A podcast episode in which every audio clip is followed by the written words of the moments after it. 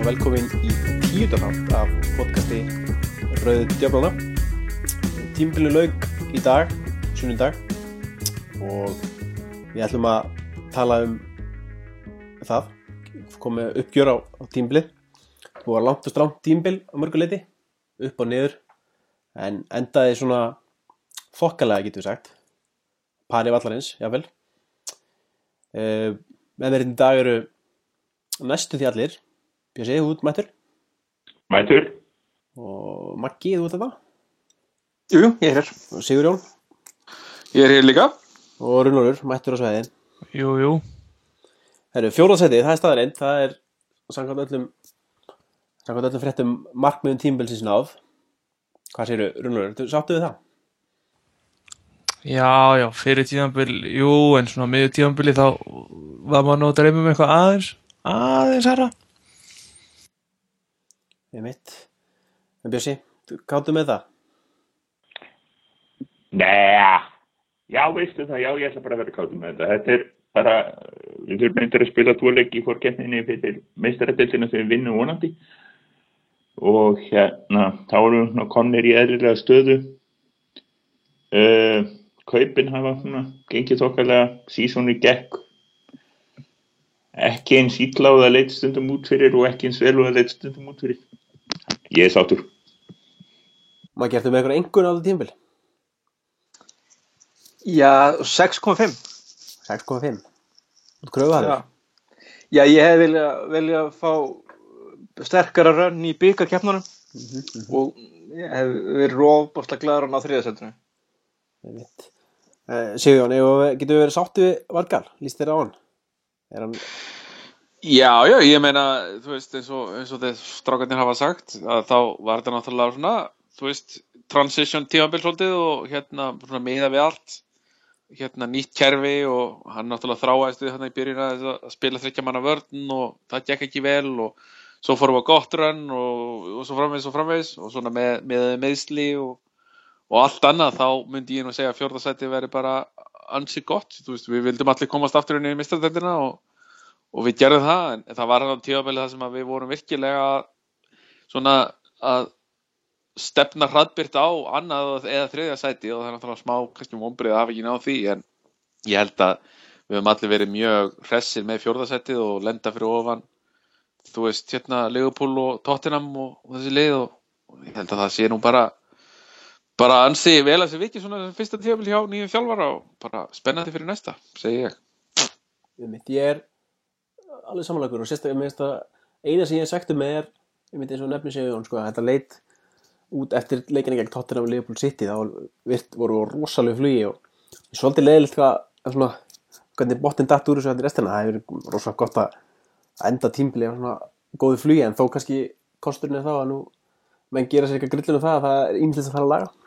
Þannig að það er þetta getur bara nokkuð nokkuð kátir með og bjart sínir á framtíðina Já, já, og svo náttúrulega sjáum við líka hvað liðið getur gert, sko. Jú, jú, það þarf að laga hluti og, og svo framvegis, en, en það er allan að komið, hefðu við farið, til dæmis, hefðu við farið í gegnum þess að leiki gegn Tottenham, Arsenal og City, þú veist, og unnið á, en ekki kannski endilega að spila að þeirra ákjæð sem við gerðum, þá, þú veist, væri við kannski að, þá væri kannski aðeins hljóðið skroknum svolítið núna, ég veit það ekki, en við hafum allan að sé hvað liðið er, hvað, hvað, hvað er spunnið í þá, hvað, hvað er geta sínt, þannig að það er sem það er spennandi punkturinn við, við að, hérna, sumarið og næsta sísón. Einmitt, við viljum ekki að, ekki að staldra með þetta, við kannski komum inn á eitthvað þessum punktum yfir þáttinn en við ætlum að einbetta ykkur núna á því að bara renna yfir leikmannhópin sjálfan.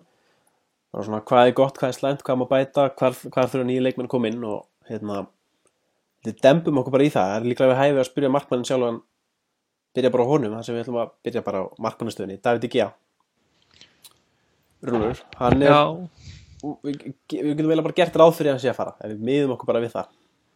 Það er svona ímislegt sem bendir til þess. Já, það meira en ímislegt held ég, en jú, jú, það ætli, ætlum að þurfa ekki að sætta sig við það á endanum. ég veit, og þá náttúrulega erum við með Viktor Valdes sem Já, að- átti hann ekki fína leik í dag, ég misti nú að leiknum, en jú, jú, hann var, átti mjög fína vöslur en, en átti svolítið erfiðleikum með fyrirgjafur við höfum svo sem heyrt þetta áður. Jú, þetta, er, þetta kemur ekki á vort en uh, það sem langar að spyrja því er bara þú veist, gefum okkur David D.G. sem farin, Viktor Valdis, er hann nógu góður? Eða þurfum við þurfum við að fá eitthvað markmann inn? Uh, sko við þurfum svolítið alltaf að fá okkur inn að því að ég rekna með því að restina markmanninu sé líka að fara Já, en ef við tökum bara markmann sem á En að byrja. að Jú, jú, hann lítur á nokkuð að byrja. Ég meina maður er búin að vinna spænsku deitina fimm sinnum og mista deitina þrísvar og ég veit ekki eitthvað að byggara hann í leiðinu líka aðra og og, og fittar inn í filosofi og system og allt sem hann talar um. Þannig að hann lítur á nokkuð að byrja en en, en, en, en, en, en ég var samt öruglega til að fá eitthvað annan inn frekar og þegar ég hef aldrei verið neitt svona gigantískur aðdáðandi Hann er náttúrulega komin svolítið þarna upp í aldri sko og náttúrulega lett í ansi alvarlegu meðslum þannig að hérna þú veist, ef hann væri kannski ára, fjórum árum yngri eða eitthvað þá væri ég svo sem personlega svo, sé, svo, svo, í takinu yfir Runól hérna, að þá hérna væri ég alveg svo sem spenntur fyrir honum sko. En hann er svona svolítið við veitum náttúrulega alveg hvað hann hefur gert en hann er svona smá spurningamerki. Ég, ég myndi eiginlega segja sko ef að United stendur sér rosalega vel í leikmannaköpum annars þar á vellinum þá myndi ég kannski bara vera nokkuð sáttur með hann en ef að þeir kaupa eitthvað hörku markmann hvort sem það væri Loris eða jável Peter Cech eða eitthvað svoleiðis að þá hérna þá myndi ég ekkert fussa yfir þeim, þeim kaupum sko, Þa, það má samt ekki gleyma sko að Vandi Sar var sko 35 ára allir hann kom til United og, og hann- þá var hann búin að vera í Fulham í fjögur ár sko. Já, já. bara búin í nefin ánast sko. En er ekki oft, bara, Rétt. er ekki oft fínt fyrir markmenn að vera svona lélir í liðum, skilur það er svona reynir meira á það og... Jó, en þú veist, hann virti samt aldrei, skilur það var aldrei talað um að það var í Fulham. Hann var bara í Fulham, svo var hann í hollenskan landsliðinu af því að þeir náttúrulega áttu engan annan. En það var ekkert fyrir að fóta United sem að, þú veist, það var aftur svona, já ok, hann er skilur, þú veist, er bara freka góður í marki, hann var bara veginn svona En er hann ekki líka svona allt henni típa þannig laga af markverði, þú veist, ég, á langur og... og ég líkamlega er þeir náttúrulega ekki, ekki, ekkert líkt með, En með þeir eru svona með Ég, ég held að Vandi Sar hafi bara fyttið svona miklu betur, hafi fyttið miklu betur í ennsku dildina bara strax frá byrjun, sko. Ég held að til dæmis Valdes sé ekki maður eins og De Gea sem að hérna, sem að mun hafa tíma til þess að aðlagast til dæmis þessu fyrirgjafa hérna bolta og, Ja. svona. Það var einn vandamáli sem ég sá í dag, sko. Það var fyrirgefnum voru svolítið erfiðar, sérstaklega til dæmis þannig að fyrra rángstöðu markið. Það sem að hreinlega bara missi boltan úr engu næstu því. Og hann er þrítur, hann hefur engan tíma til að taka þessi tvö ár sem að DGA tók í að virkilega læra að taka enska boltan. Að það, er að- svona það, það er það helsta sem ég sé að því að taka Valdes. Ég held ekki líka bara leikæfing ekki endilega kannski er Jú, að það, það, ég skal baka það upp, sko, mér er alveg saman það sem búin að æfa í og meðsla frýr í marga mánuði það, þú veist, það, þeir eru örugglega ekki að spila mikið 11-11 á þarna æfingavellinum, sko Nei, og kosturinn við að taka Valdis er alltaf gríðaleg reynsla og hann er leiðtói og hann er líklega búin að læra meira ennsku á þessum hálfu ári sem búin að vera hérna en David G. er búin að vera síðustu fjóru, fjóru ár og hann Já, kann að vinna titla einmitt. og svo Það er- kann að meistardildina Já, og þú veist, ég meina, hefur liðið reynsluna okkar- er nú ekki, er nú ekki mikið um leiðtóa í liðin okkar þannig séð, það mistum náttúrulega mikið þegar Vitits og Evra og Ríó fóru á það einu bretti það er gott að fá eitt svona reynslu bolta hana En hvað, hvað er að Það- gamall aftur? Nákvæmlega. Þrítúr, 32 Valdes. já, Já, er er 32? 32. Já, ég Já, það. ok. hann er hann var, 32. samt, var 32 á hann er orðin á þessu var þessi hann verður, hann verður ekki 33 hann er á- 30 hann er 30 hann er 33 hann var 33 ára í janúar eða það februar er það er ald- rétt. aldur fyrir markmann sko. Nei, ekki þannig. Ég, ég er samanlega, ég, ég tek undir það sem við sögum. Uh, ef við kaupum vel sérstaklega hafsendin, þá getum við bara haldið áfram með Valdes og, og tekið, já, vel serban okkar þennan 17 ára á hann inn eða eitthvað. Og hérna, og bara verið sáttir, sko. Það verður Já, ekki þetta vandamál. er, þetta er engin krísa, sko. Klálega engin krísa. Þetta- það var mjög vel leist að vera að segja þetta er að fá Valdis að inn í januar veit ykkur hvað hann er satt með langan samning eða er Eitt og hálft, uh, ári í viðbútt. Hann Árið- skrifa undir eitt og hálft ár. Og svo kaupir realan. St- hérna, punktinn bak við markmannu bara örstuðt Lindegard er hann að fara Já, jú, það lítur að vera hann sagði fyrir hvað, tveim árum að hann væri ekki eitthvað komið til United að búra í nefið og hann er búin að gera fátt annað síðasta árið þannig að já, það lítur að vera nefn sjáði fram á að vera bara mjög þægilegur varamarkmaður næsta ári Ég sá hann í varlýsleikum daginn og kom mér óvart hvað hann var einhverju urugur á boltanum Hann er nefnilega sko. mér fannst hann þetta oft vera mjög leilur í fótunum en hann er samt alveg lúmst góður í marki sko. hann hefur aldrei fengið kannski hann á náttúrulega nokkra leikið sem eru bara mjög flottir en ég veit ekkert úst, hann verður ekki áfram hann, og hvert hann fer hef ég ekki hugmyndum þannig sé sko. En kannski sér hann, bara svo ég bæti við eldsnögt, kannski sér hann núna eld, hérna, þetta tækifæri að, að komast aftur inn í byrjanlið að berjast, kannski sér hann, þú veist, að Valdeis kannski eigi ekki þessa byrjanlið stöðu, þannig að hann getur þessuna hann var dömpað nokkuð augljóslega úr að varamannabekknum fyrir Valdes þannig að ég held að En það er alltaf sjens ef Valdis verður áfram þeir þeir eru að berjast um þetta, þá er alltaf sjens fyrir hann að komast inn. Já, já, Þannig að það er kannski, kannski smá veðmál sem hann þarf að taka við sjálfan sig. Já, hann er miklu nær stöðinni heldur en, en náttúrulega vantar en ekki milli, engin fyrir hann Einmitt. Einmitt, erum við hættum í þessum markmanntali að maður er bara þunglutur að hugsa um að David G. sé að fara frá okkur. Erum við færum okkur bara yfir í miðverna það er náttúrulega endalast búið að tala þá mikið talað um í ágúst fyrir tímbili að hérna að miðverðin okkur væri alls ekki nóg góður við mistum náttúrulega Ríó og Vitits fyrir tímbili þannig að þarna erum við með hvað Phil Jones, Rojo, Evans og, og Smalling.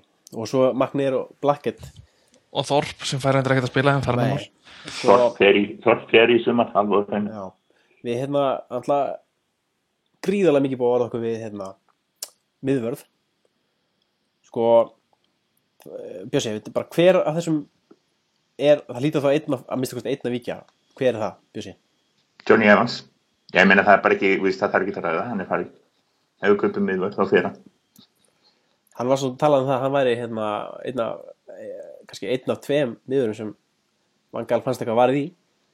Já, ég bara hann fer, það er ekki flokknar það. Nei við kaupum líklega Otamendi Já. það er orðið mjög líklegt núna. Slúrið er á því stíi sko það er talað um Otamendi vilji fara en síðan er búin að semja við United og bara eftir að tala um verð við hérna Valencia. Og þá er þetta ef þú er, en eh, hann er réttvættur það ekki? Hann er réttvættur og örfættur. Já, það Þannig að við mér tala- smá fettis fyrir þessu hægri vinstri alveg svakalegt. þá ég, er ég hafði ekki hugsað þetta í mörg, þú veist, ever held ég í fótbolta fyrir nývettur nei, með sama hér en En svo hann er samt- er er svolítið þurft að svona hann er samt þurft að víkja frá þessu Já, já, Vegna algjörlega, sko, en það er bara því að Róhó er eini, og, veist, hann, hann reyndi að tróða blakketað inn og ég held að það er beisli bara verið því hann er örfættur, sko. en En- en þannig að sko, þá erum að horfa á sko, Rocco Otamendi. Annarkvort verður það sko argentínska verðin okkar eða enska verðin okkar og, og hérna, En, þú veist, e, já, ég er veit hvað minn peningur er. Henda hendur hann smáling bara út, eða?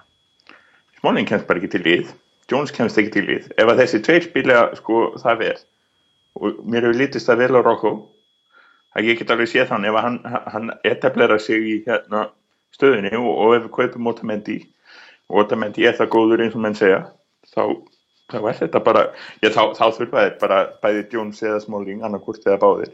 Bara en, en, taka tvö skrif upp á við sem er þá bara aðeinslega Já, en framan á tímbili var talað um það að Rocco væri bara eini miðurinn sem Vangal hefði eitthvað álita á. En sko, það nú ekki þetta neita því að Chris Smalling hefur heldur betið stíð upp eftir að hann fekk þetta rauðarspjald á þetta sitt í hann eitthvað tönni hvað, oktober, november og undanfarta mánu hefur bara verið gjössalega frábær Gerður það fyrirlega náttúrulega líka í einhvern leikundagi. og hann er, við sjáum það líka hann er, veist, hann er hérna örgur í vörninu og hann er líka farin að skeiða hann upp, upp völlið með boltan sem verðist vera svona frumskiliði miðvarða hjá sem spilundir stjórn Lúi Vangal Það er náttúrulega alltaf sjens að, að, hérna, að þjálfarin til dæmis íti einhver af þessum mönnum út á kant sko, eins og Rojo. Spila hann í vinstri bak frekar eða, eða, eða Jones í hæri bak eða þú veist það er eða miðinni Hann er- já, en ef verður náttúrulega hefur ekkert sko haft tækifæri til þess að gera það í vetur út af meðslum og vesinni en, en ef hann er með alla þessa hérna, menn á, á, á sínum snærum þá er alveg möguleiki að, að hérna, það verði upp á tegninum sko. Já, ég hef engar ákjör að því sko Smáling og, og Jones fá tækifærin en eina spurningin og, og það er hún með Evans og hann hefur bara ekki verið að spila þannig í vettur þegar hann, hef, hann hefur verið meittu mikið en hann hefur hinnlega bara þetta maður sem að, maður dáði stað sko fyrir þrjumur árum núna. Já, hann átti frábært tímbil þá. Og þá var það þannig að hann var alltaf að spila annarkvort með Ríó eða Já, með leiðtóða sér við veit kannski verður það bara þannig að Otamendi kemur þannig inn og Johnny Evans segir bara hæ, ég vil vera úst, ég vil bara vera lautinattiðin og úst, ber, vera í vassburðunum við hliðin á þér.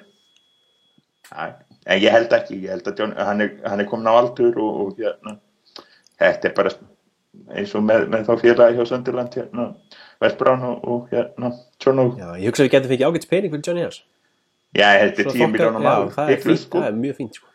Það er er líka, er málið líka það, þeir, ef við serjum hérna sex, sko, ég er búin að merkja hérna sex menn, eða fimm menn sem er, er að fara sko að, að minni háttar mönnum. Og það er bara alveg sko 30 pund, miljón pund sko þar. Það munar, og það er bara, þú veist, það er fínt. Það munar En uh, tökum aðeins hérna Blackett og McNair sko, ég aðeins að taka þetta saman og, og Blackett byrjaði fyrstu fimm leikinn á tímabilinu sem er svolítið ótrúlegt. Spilaði eiginlega næstu 90 mínútur í þeim öllum fyrir utan síðasta leiknum í Lester þar sem hann fekk rauðspjald þarna undir lokin. Og Patti McNair spilaði hún núna síðustu mánu stóð sér vel á ekki Chelsea og gerði svo mistök á móti Everton og Vestmanns Albion en samt svona lítið þokkalega út með allt saman. Hvað sjáu þið þá tvo eða annarkoð þeirra framtíðinni? Bara Maggi, tökum þig. Já, ég hérna með spilamennsku hérna, spilatum undanfæri þá held ég að að Magnér sé svona nær liðinu heldur en Blackett. En það náttúrulega fer eftir í líka hvort að Blackett sé hugsað sem cover þá í bakverð eða miðverð ég hvort að hann verði áfram, áfram að spila eitthvað en, en eh, eftir millið herð þá held ég að svona Magnér sé nú líklegri til að verða viðriðin liðið eitthvað ráði. Það sem hann hefur svolítið fram yfir kannski Blackett er að hann byrjaði sem mið, miðumæður og við höfum líka séð það í svona leikjum að hann er algjörlega óhrættu við það að fara upp með, völli, upp með boltan með, upp völlin með boltan í leikinum það, já, eins og segði á það það er alltaf að virðist vera mjög mikilvægt. Jú, jú, hann átt líka eitt leik hérna í hægri bakverði hérna einhvern byggarleik og, og var virkaði öflugur og Já, snöggur og svona. Saði ekki Van Gala hann hérna hann gæti orðið virkilega góður hægri bakur ég rámar eitthvað í það Já, hann spilaði eitt, eins og ekki segir, hann spilaði eitt leik hérna, það var langbæsti leikurinn hans í vetur, hann spilaði í hægri bak. Einmitt. og hérna, að öðru leiti þá, ég ætla að hafa ó, hérna, óvinnsala skoðun á, á þeim tveimur, ég, mér finnst, mér finnst ekki gott mál að vera notað eins og við erum notað á í vetur, bara alls ekki, þeir eru ekki tilbúinir í þetta, þú veist, þeir náðu að, að svona, hérna, það hefði hæglega geta okkur verið refsað mun harðar fyrir að vera með þá í, í meðverastöðum sko. en hérna þeir náðu ofta tíðum að svona hreinsa á ell eftir stundu sko.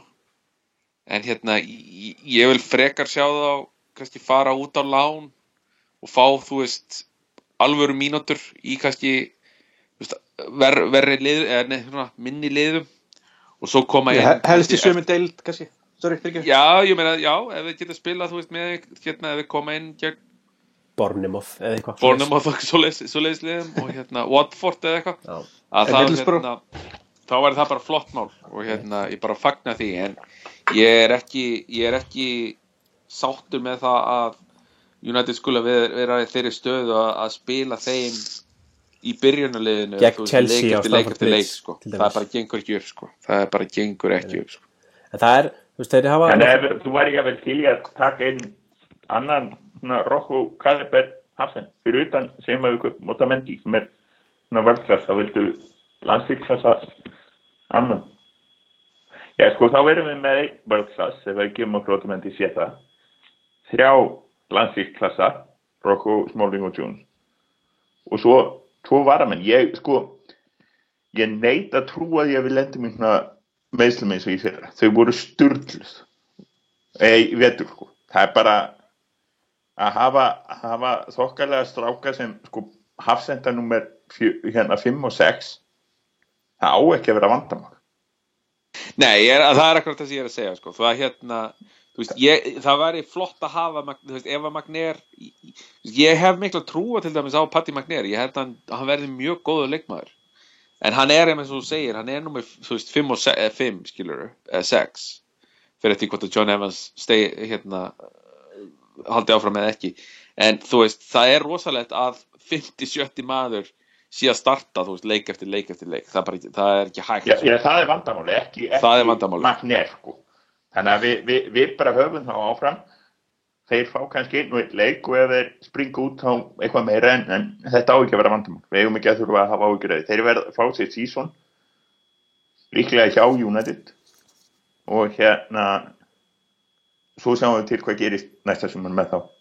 það er náttúrulega frumskilirði fyrir því að liðið verði ykkur titilbartu annars tímbili að það verði ykkur eitthvað miðvara par sem spila meira hluta leikina saman veist, þannig er bara, þannig eru öll titilið þau eru með ykkur tvo leikmenn, kannski þrjá sem spila bara eiginlega alla leiki. Sjáum bara já, já, Terry, Terry og Cahill bara saman bara í öllum leikum við. Það er, þú veist, þetta er náttúrulega þetta er, það er bara eiginlega eins mikilvægt að, að þeir haldist heilir og að, þú veist, að fá inn öfluga leikmenn sko. ég væri með tölur betur stöðu ef einhver tveir hefðu, hefðu getað spila meir hluta leikin hann í miðarinn já, já, engin spurning. Herjá, ok, við tökum um, eftir bakverðina. Tökum bara hægra meginn fyrst, þar erum við með hvað Rafael og, og Valencia. Rafael er nú, virðist nú klálega bara að vera útleið. Meittist þarna Rafael Rafael er farinn, sko, hann er búin að spila sín síðasta leik. Já, og svo er Antonio Valencia. Rúnur, þú ert ekki sérstaklega hrifin af Antonio Valencia? Uh, nei. Hvað- það, það, hvað- það, Hvað er það sem fer svona í töðunar þér? hann er heilalus nummer 1, 2 og 3 ég held í alvörun að maðurinn sé ekki með heila bara í fúlust alvöru. Sér það? það er bara að þú horfður á hann fótboltavelli þá veit hann horfðu, þú getur á fullt af mörgum sem við fengið á okkur bara síðustu, eða liðið fengið á sig síðusta mánuðin þar sem boltin fyrir ekstra upp hægra megin og, og hann er ekstra út úr stöðu og endar því að Smalling er dregin einhvern út úr stöðu. Og svo þegar þeir skora, þá stendur hann ekstra svona ofarlega ekstra upp á kantinum og bara hann, virðist, hann, veit, hann veit ekkert bara gjörsamlega ekki neitt það er ótrúlegt að horfa á hann stundum. það eina sem bjargar honum er það að hann er sterkur og fljótur en, En okkur er færa, nú er, nú er það gæl líklega einhver svo þjálfari, sko, sem vist það mesta hugsun, sko, filosofi. Og, og samt er Valencia, sko, maðurinn sem er, er eina skýringi svo að Rafael er heila lausari, eða Já, það, það, já, ég held ég, að það, sé- það er ekki útiloka, ég, ég er mikill aðdáðandi Rafael, en, en, en ég get Já. ekki útiloka þetta. Nei, þetta er svona eina, eina ég finn eitthvað, ég hef- reynt að finna lógíska skýringu á sér veitur og hún hefur ekki ennþá fundist sko. mér, mér hefur fundist allavega sko, þú veist, ok, ég er svona semi-sammála raunólu með, með Valencia. Mér, hann, fer, hann fer aðeins þú veist, í töðun á mér.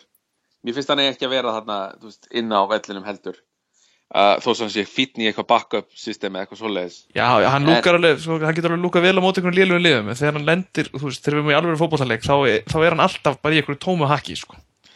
Nei, það sem að munur samt á honum og Rafael er það að Valencia virðist allan ekki bara taka á rás eitthvað út úr sinni stöðu eins og, eins og Rafael gerir stundum. Rafael til dæmis fær boltan og allt í hennu bara fer á full blast bara eitthvað upp völlin sko.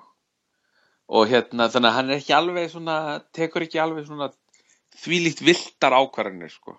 Ég er alveg sammála því, ég er alveg sammála því að sko Valencia sko einhvern tímann í hérna svona samtali hérna okkar á milli þá teikna ég upp litla mynd þar sem mér fannst Valencia að vera standa sig ágætlega á vellinum og það var box á hægri vellinum sem að fór frá vítatekslínunni uh, hérna okkar megin að vítatekslínu hérna anstæðingana en þegar hann er inn í vítategnum hvort sem það er í vörn eða í sók það kemur ekkert út á hann bara ekki neitt sko.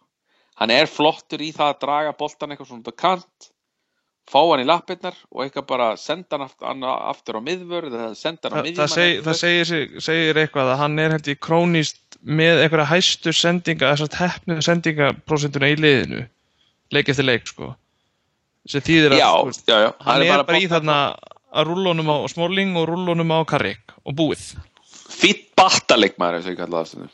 hann er, náttúrulega bara, hann er líka náttúrulega bara hægri bakverður sko. Hann er, hann er uh, Já, Gary Neville var líka hæri Já, bakgrur. en sko ég get alveg tekið undir það og það sem er alltaf háur honum mest er einbeitingaleysi það er þetta heileysi sem við talar um. Já, það hann er, slekkur á sér á tímum en hann er samt, þú veist, hann er sá leikmaður sem reynir flesta tæklingar hjá United og sá leikmaður sem vinnur flesta tæklingar.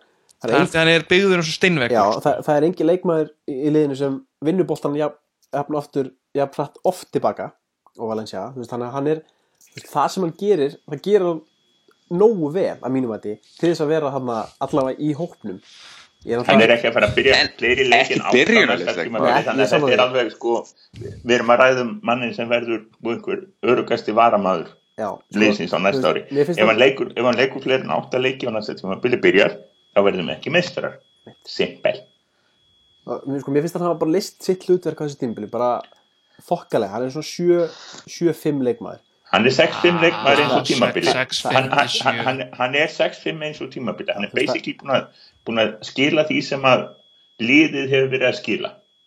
Og það, hann hefur er ekki að verið góður. Það er gott að hafa hann einhver Því hann er náttúrulega en, hann er ég kenn honum ennþá um byggatapið, sko. Það dreifur hann yfir já, mér, ég sko. meina auðvitað, þú veist, hann alltaf gaf bóttan aftur, það er ekki þetta að neita því. Nei, þetta, en þetta er eins og ég segi, við erum að fara að kaupa hægri bakur Það Já, já, það er alveg klárt. það er bara spurning hvort það er Dani Alves eða Nathaniel Klein Já, sko, ef við fá Daniel Alves, þá getum við alveg haldið Valencia fyrir mér, sko. Ég, Já, já. Það er svo maður sem ég nennir minnst að sjá United fá, sko.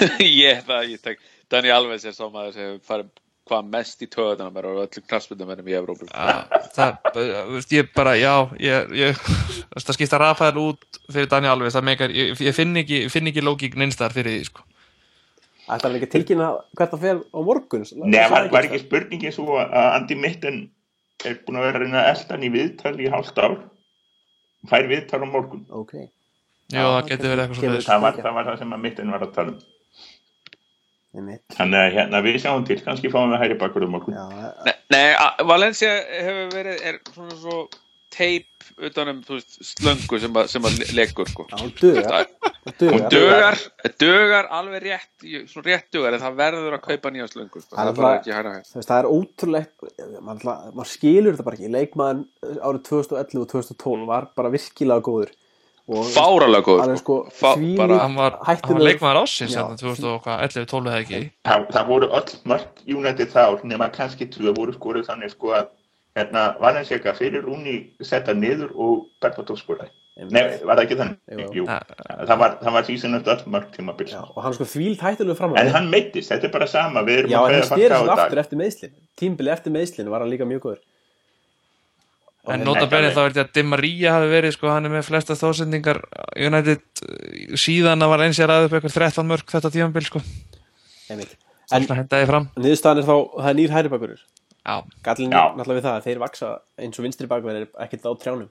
Nei, þeir eru, En, en þetta er þeir virðast- þeir verða strækta stóinu vel þannig við suðuströndinu samt. það er vissulega.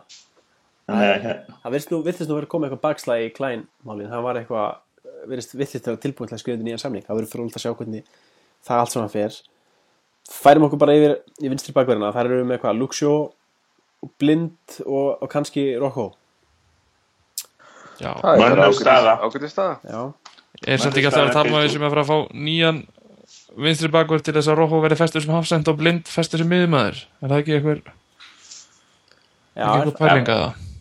Sko, meina, Já. við, við erum alltaf með vinstri bakverði næstu tíu árin vantarlega kláran sko. Sem Já, er- já, sem það er bara spurning, spurning um að finna eitthvað varamann blind, sem vill þá vera varamann eða eitthvað, ég veit ekki. ég, ég blind sko Blind hefur leist það bara ágætlega. Já, Já, já, hann er búin að vera, þetta er líklega besta staðan hans og er, já, ef við, eins og koma miðmönnum á eftir ef eitthvað gerist í þeim málum hjá okkur þá er blind bara að fara að státtar þar þannig að hann verður bara sáttur varamaður í, í vinstri bæk, no worries Já, og fær að spila hellingu leikjum, ég minna það er leikjálega verið þannig. einmitt Já. Já, Já, sérstaklega ef að sjó ætla sér að vera einhver, hérna, meisla PC, sko, áfram. En er þetta ekki, er þetta ekki fyrsta skipti? Hann náttúrulega var að spila, sko, í og spila held ég alla leiki Söðhandum. hann hefur spilað yfir 30 leiki þessi tvö eldi tímabil sem hann hafa mistarflokki, sko sem er meir hlutur en leikjum með Sáðandón, sko Já, og þá er hann, sko, þú veist, bara krakki hann er náttúrulega bara krakki, þú veist, þeir eru mittari en, en, þú veist menn eru mittari í kringu títugt já, Beck ná, og. Rafael og Fabio og fleiri síndu okkur það náttúrulega sínum tíma. Já, hann er sko maður er svona orðið sem fyrir pínlutlu vombriðum við sjó þó maður gerir alltaf grein fyrir því að hann er sem alltaf bara 19 ára strákur sko, hvað hann hefur svakalega mikið meittur á tímbilinu En sem er svekkjandi er að því þegar hann spilar þá finnst maður bara mjög sprækur og svona og hættulegur hérna á kantinu þannig að það verður frábært að fá hann sko heilt undirbúðustímbil og ómittan hvað hann getur gert sko. það var gott að hann skildi ekki að vera kallar upp í þennan U21 hópi á Englandi sko, Southgate sagði að að United hefði sagt að hann væri korki í medical nýja physical state til þess að taka þátt í þessu í sumar þannig að hann virðist bara vera alveg púin á því greið kallin Ég held að Van Gaal hafi nú haft sitt að segja, ég held að það hafi verið eitthvað skýr skilabóð bara. já, já, Það var Ferg- Þetta var Ferguson-legt allavega, hann væri meittur, Já. hann gæti ekki gefið upp hvernig meðslum væri og eitthvað. já, hann er bara sko það var þetta sem maður sagði fyr- fyrir að sko not fit. Hermingurinn af heiminum túrkaði sem fatt sko sem var ekki punkturinn. Hann var bara ekki leikform, hann var ekki í formi sko. Það er ekki endilega að vera feitur til þess. En hérna það er það sama núna sko. Hann er bara búin að vera meittur, hann er ekki búin að vera komin tilbaka hann þarf að, þeir ætla bara að nota close season til að láta hann kvílast álag, mink álægi á álagsmeðslinn hafa verið þannig og þetta er bara ósku beðilegt hann þarf ekki að vera með sko þryggja vikna heila hrýsting fyrir það til þess að þetta sé þannig sko. en þetta er fínt, vinstri bakkurinn fín, no worries, þurfum engan, aldrei svo vant. Hann verðist svolítið verið svo Phil Jones svona ekki alveg kunna inn á líkamarsinn einhvern veginn. Þú veist, Phil Jones fyrir alltaf full í öllu, allt sko er alltaf meittur og mann finnst svona kannski sjó að vera svona svolítið í þeim, þeim pakka sko svona óöpinn með að lenda illa og eitthvað svona. Það er Jones er örgulega þannig líka bara í persónulega, Já, þú veist já. heima hjá sér bara opna ískapin á hausinu á sér og kveiti hann dunkur er- dettur á Ísskápinn mann. Ískapuna Ísland- hlýnir hlýnir allt útrónum Einmitt. Herðu, ok, segjum við segjum skilið við vinstri bakvarastöðuna hún er þokkalega vel mönnuð. Tökum bara miðjumennina það hérna fengum við ágættis liðstyrk fyrir tímbilið í honum hérna Ander Herrera. Og náttúrulega blind líka, allt múli mann hann er búinn að spila vel hana svo vorum við með Karrik og, og fleiri góða. Sko hann alltaf já, Fellaini, já, ég glemdi honum, já. Hann hérna uh, hvað segið þið strákar, miðjan. Það er nú alltaf að tala um, við höfum alltaf verið að kalla eftir þessum dýnamiska miðmanni sem við höfum nú kannski fengið svolítið í Ander Herrera þó hann sé svolítið svona lítill. Kannski ekki þessi kraftakall sem við þurfum kannski á að halda en er hann ekki, ef við ekki segja Ander Herrera er hann ekki best hefnuð kaupið á þessu tímbili híklust algjörlega, algjörlega. Hann, hann bara þetta var bara flott, hann kemur inn sko, fær ekki sénsinn, allir búið að hissa. Stendur sér við þegar hann kemur inn en, en svo bara eh, fattar hann filosófíuna leikspeki fann hvað uh, fyrir að hlýða gera það sem hann á að gera. Bara búin að vera bestur síðan þá besti minnum að þannig að þetta er bara mjög fínt.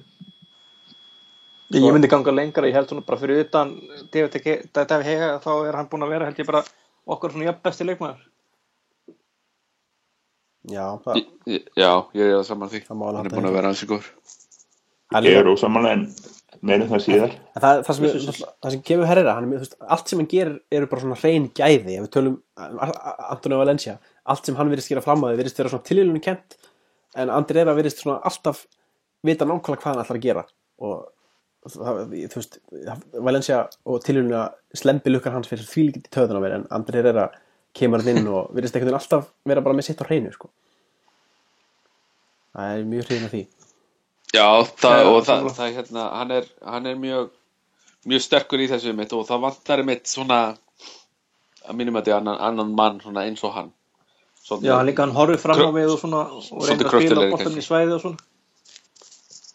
Já, hann er svolítið tekið við hlutverki gigs sem var svolítið í því að fá boltan og horfa fram á því sko. Já, Er svo, svo típa miðjumann ekki, ekki það sem Di Maria gerði á Real Madrid eða? Já, sko, Di Maria er samt meiri svona, þú veist, fá boltan og hlaupa hratt fram að því, svona, sprengja allt upp meðan Herrera er svona, svona Já, já, ég segi það sko, en þú veist, ef þú tekur þryggjamanna miðju, þá er, þú veist, þá ertu með Karrik í svona á milli varðana miðju og svo ertu þú með þá, þeir eru bara of léttir fyrir ennska boltan líklega. En þetta er alveg mögulega drauma kombo og þannig séð, sko. Já, svona á blaði þá ætti það að vera fullkomin því að vera með Kari, Herrera og Di Maria en það hefur bara Það- aldrei þeir- spilast þannig. Nei, ég veit það, en þetta ætti að geta fungerað sko, en það er spurning hva, hvort það getur það. Það gæti að hugsa hann ef við fáum nýja miðumann sem að kemur hann inn í staði fyrir Karrik. Já, við þurfum að þannig að það þarf að dreifa álæginu á Karrik. Það er það sem er mest, mest Já, hann, hann getur ekki spila alla leiki. Hann er bara komin þannig aldur líka bara. Við þurfum bara að vera miðumann. Við þurfum, hann þarf að vera, hann þarf að vera heimsklassa, ekki landslíklassa. Haldið að vera poppa. Pogba. Nei, Pogba kemur ekki aftur. Ég hef enga trú á því. Ég, Plus mér- að það ver- það verðast að vera eitthvað svo mikli peningar í gangi í kringum hann, sko. Bæði að kaupa og semja og ekki það að United hafi ekki efna. Ég bara, ég bara, einhvern veginn, mér finnst þess svo samband Pogba við United sé bara orðið það skítut eitthvað að- eftir þetta Ferguson dæmi og ég, ég bara hef ekki trú á því að það, það muni gerast persónulega. Já, en ef- spurning hvort að peningarnir tali þá hann hugsi kannski með því líka. Hann er náttúrulega með þannig umbóðsmann. Þannig að ég er, ég er bara, bara veltaði fyrir mér. hann gæti alveg komið held ég. En, en það er aðri líklegri.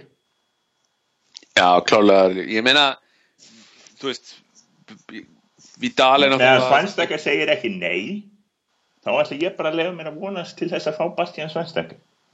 Það væri náttúrulega stórkost Það væri algjör draumur sko. En hann er bara nánast á svipum aldrei og Karrik sko. Hann er þrítur Hann er þrítur, hann er, hann er, Hann er- hann er þreymur árum yngri. Það Já, munar sko- um það. Það munur hann Já, það. munar Hann á um tvö, það. hann á tvö, að minnst okkur tvö góða ára eftir Minnst okkur Já, en viljum við ekki eitthvað sem er eitthvað aðeins meira Já, í, sko, eftir. veist, hann það sem hann kemur með væri náttúrulega, þetta er náttúrulega frábær fótballtamaður Hann kemur ekki að stóran pening, mikið pening. Nei, og hann er gríðalega reynslu og hann er svona leikmaður sem til lifta öllum hópnum upp og gæti svona aðeins stýrt þessu. Og okkur vantar náttúrulega leiðtóa hann er Já, samt hann er engin, náttúrulega- og hefur unnið allt sem hann er að það myndi hann er sko samt engin replacement fyrir Karrik stöðulega síðan sko. Nei, hann getur komið inn á miðuna í stöðu sem þurfum breytt. En þá, þá erum við ennþá með það hvað gerum við, þú veist, í stöðunars Karrik sko. Hann getur nú, hann getur nú spila sem djúpur playmaker á svenstakir. Að hann kannski hann getur alveg leist það gæti líka fært sig aftar eftir að aldurinn kemur nær.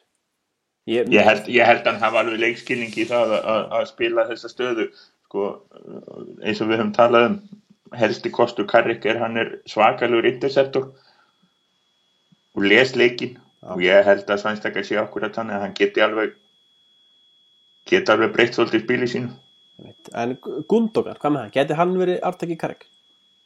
Er einhver sem ég er, ég er alveg á því að hann Hef, hefur einhver hort á hann svolítið? Ég horfa aldrei á því sko. mjög takmarka Ég maður sá hann svolítið í ekki, já, maður sá hann svolítið í meistaradeldinni þú veist, ekki núni í vetur heldur veist, þegar Dortmund þarna fór í úrslit og allt það dót, sko. Og hérna þú veist, mér líst mjög vel á hann. Ég held að hann gæti, fitta, mjög vel inn í liðið, sko. Alveg engin spurning, hann er, hann er svona vinnuhestur og það er með það sem er með Karrik, að Karrik er, þú veist, eins og Björnsi segir svona intersektor og, en hann náttúrulega gríðarlega góður í það að, þú veist, loka loka á sendingalegir og hlaupalegir og, og það er náttúrulega bara að vinna bara dvílík rusla, rusla kalla að vinna, sko. Og hérna, þannig mann þurfu, ég held að Gundogan sé alveg bara mjög gott, góður kandidat í það, sko. Það Já, er svo er hann líka ungur, hann er ekki nema hvað held ég, hvað 24, 25 Já, ára? það er 25 já, 5 eða eitthvað helst svoleiðis. áhættar með hann er náttúrulega þessi meðsli sem hann var í síðast tímpli Já, já, það er hann, hann, hann er búin að vera að spila held ég þokkarlega vel núna í vor Ég svo meina það er bara fyrir ég, ég held að þessi menn sé allir á, á listanum hjá sem að hérna hann gæti búin að skilja eftir hjá Woodward og svo sé bara spurning sko hver komi. Svo, svo við höfum þá hreinu þá hérna sagði Vangal það á blaðamannu fundi eftir leikin að hann ætlaði frí á morgun og að hérna listin fyrir þá leikmenn sem fara út og listin fyrir leikmenn sem koma inn og væri klár og nú væri, færi það alltaf fullt svo að þetta sé með það Fíla, fí- fíla þetta no nonsense Já. approach sem þetta hljómar rosalega vel. Og hérna en þetta segir manni bara að við erum búin að vera að horfa á sömu nöfnin í alla metur og hérna hvort að það hefur verið allt lekið af, af bara til að ansettla leikmennina sem er náttúrulega ekki í fyrsta skipti. Og hérna fá þú til að segja sko hugsa svo mikið um United og endanum komið. Einmitt, það, er- það, það er, við værum ekkert fyrsta liðið til að gera það. Nei, og hérna þannig að ég er svona ég er svona að fara að reikna með því að það komi einhver af þessum eins og ég segi í þessa meðu Pogba hérna Gundogan og, eða hérna Svænstakar Og ég- virðist þú reynda að vera á lausu. Hann er eitthvað að tala um að hann sé að, að fara. Kannski Já, það er eins og þessi að að reyna að losa sig við hann hérna, jú, það er að tala um að það er Ég held til dæmis að Vidal, ef ég hann. velja, ef ég ætti að velja mellir Vidal og Pogba, þá held ég, þú veist að Pogba sé miklu ég myndi vilja vera fá báða svona spennandi leikmaður. fram- frábæri saman sko. Að horfa þarna á móti í real það eru virkilega frábæri báðir tveir Pogba er bara fullkom fyrir ennsku úrstildina hann er, er risa stór, nöyt, sterkur og teknískur.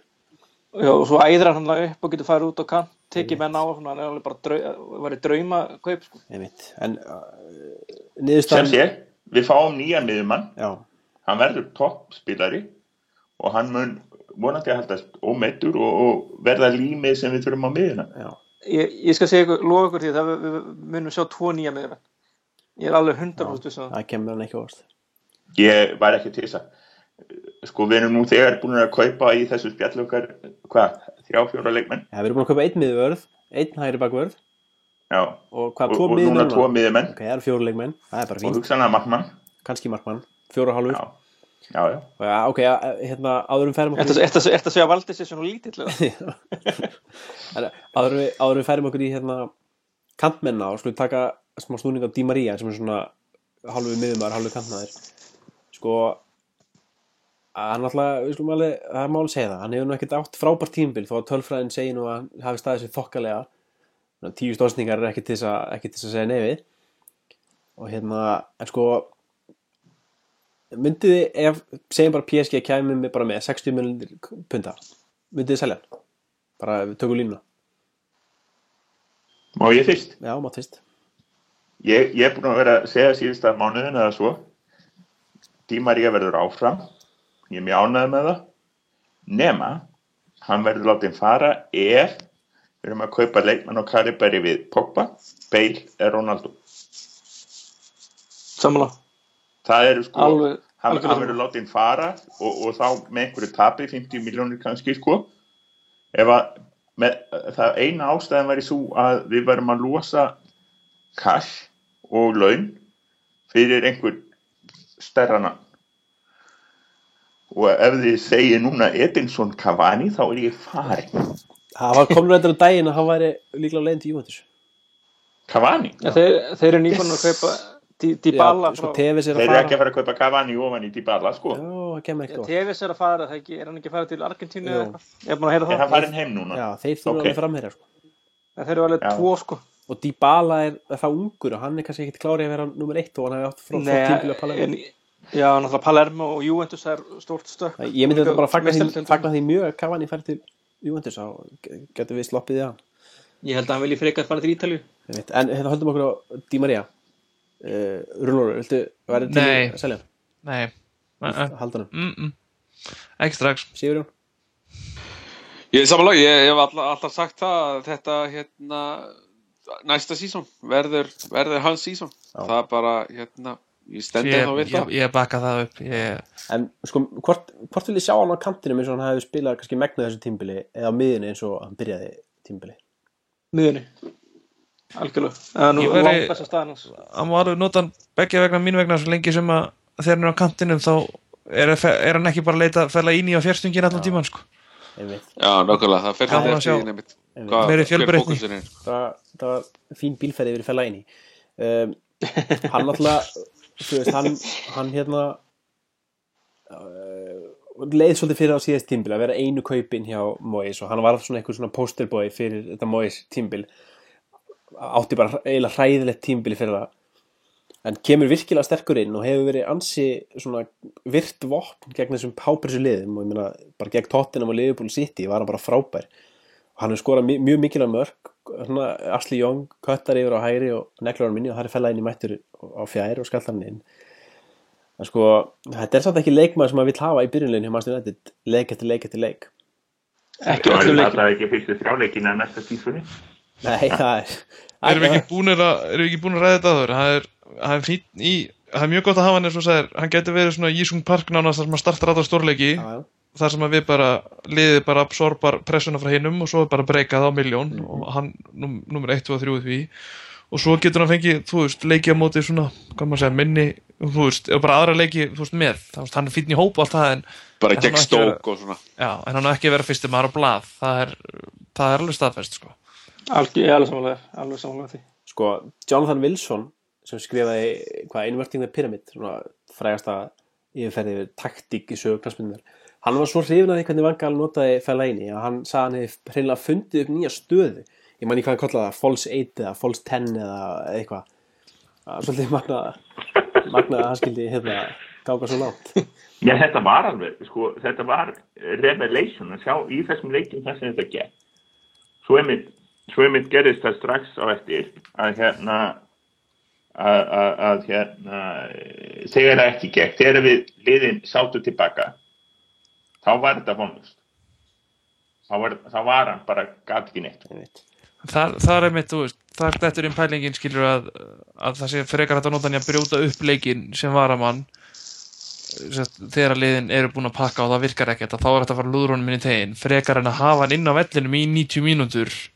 Já, það er líka að spila og vinna á styrkleika þessa litlu liða sem eru öll Ég er að segja það sko þá byrjar við með litla fljóta nakka frammi eða mata og dýra í að fleiri En þeir eru að þreita anstæðingan og svo getur þú sett hann inn og þá eru hinn og þreyti til það En á mótum sem hópa upp þessu liðum eins og liðupól og tóttina, þeir höfðu bara ekkert svar við honum sko Já, það sitti. Já, það sitti. Hann var hérna fljótandi á milli, miðið og soknar og þú veist, það var alveg yndislegt að horfa. Svo, svo, svo kom Chelsea og það var Mourinho bara það var búið, tók... búið að byggja vegg í kringum hann. Tók bara litlu, litlu liða taktikina á það en hann tók bara tveggjar út út af prótsið en það er honum alveg samt já, já, hann, hann vann títilinn hann, hann, hann kerur bara meðtækju það er bara nóður og ég meina, hann deliverar, það er ekki takt að gera, bera virðingu fyrir öðru en því sko. já, hann var Evrópameistar á 19% possession. Þannig að ég veist hvað ég var að segja við því. En allavega Fellaini, hann verður upp í stúku fyrstu þrjáleikinu og hann verður á mm. begnum mest allan hluta næsta síðan sérstaklega við kaupin tvo menni sem ekki sé ekki vandamál. Okay. Áðurum við tökum kampminna og langum að spyrja tökum við að bjössi, Andrés Pereira hann var mikið talað um að hann var að fara til PSG og hann skriði undir nýja samning og hann segi að þetta sé nú kannski mesta efnið af þessum úlingalegi fyrir utan kannski James Wilson. Hann er miðumöður, sér að hann fá tækifæðan næst tímbli Hann verður í hóknum, hann verður ekki lánaður út hann, hann, hann skrifar ekkert undir þennan nýja samning og hérna verður svo lánaður út. Það er bara ekki að fara að gera Janúsæði verður lánaður út, mjög líklega. Mm -hmm. Pereira verður á begnum allnæsta sísón og hérna já, ef hann fær tækifæri þá er það vist, undir honum komið hvort hann grýpur það. Þetta er, þetta er strákur sem að, sem að, sem að var alveg spekingarnir og, og spekingarnir eru rosalega hreifnir á og hérna já, hann er bara hann fær sína senst á næstu tímabili, þetta verður fínt. Okay, tökum... og, og, og hann, hann, hann er því þá þarna sko líklega frekar eh, í fremri stöðinu heldur í nartari kampmaður frekar en miðumar hann getur líka leist kampstöðina já. sem við skulum færa okkur yfir í núna. Og þú myndist á Jannsæ Þannig er hann alltaf með Janusæ og við erum búin að taka Di Maria og Jóng og, og Mata er orðin, bara hann er bara orðin kantmaður ánast og kannski hann, við sjáum kannski, kannski til hvað hann spilar ánast tímbili, það geti verið að fái tækifæri kannski í hólunni. Já um, það er einlega engin hóla. Nei, maður veit ekki hvernig það verður ánast tímbili. Ég herdi að við verðum með stífa fjóra þrjá þrjá og, og þeir sem vilja stöður með henni byrjunarliði þeir verða bara að finna sér stöðu í því, í því kantmennir, það er Jansæ, hann var hlátt í frábært tímbili síðast tímbili, axla hann gríðarlega ábyrð og erfið tímbili og var svona kannski e, bara eini eini hérna eina sólaljósið á þessu ömulega tímbili sem tímbili, síðast tímbili var. En hann hefur átt svolítið erfitt upp þetta núna og ég menn það er gaggrín hefur náttúrulega styrir óvægin bara á hérna þegar hann kemur inn á, menn eru ansi fljótir að bara raun yfir hann og vilja losna við hann manni finnst svolítið leðilt að heyra, þetta er náttúrulega frábæð leikmaður. Þarna einhvers þar inni, eins og maður vonar að ná einhvern veginn að brjótast út.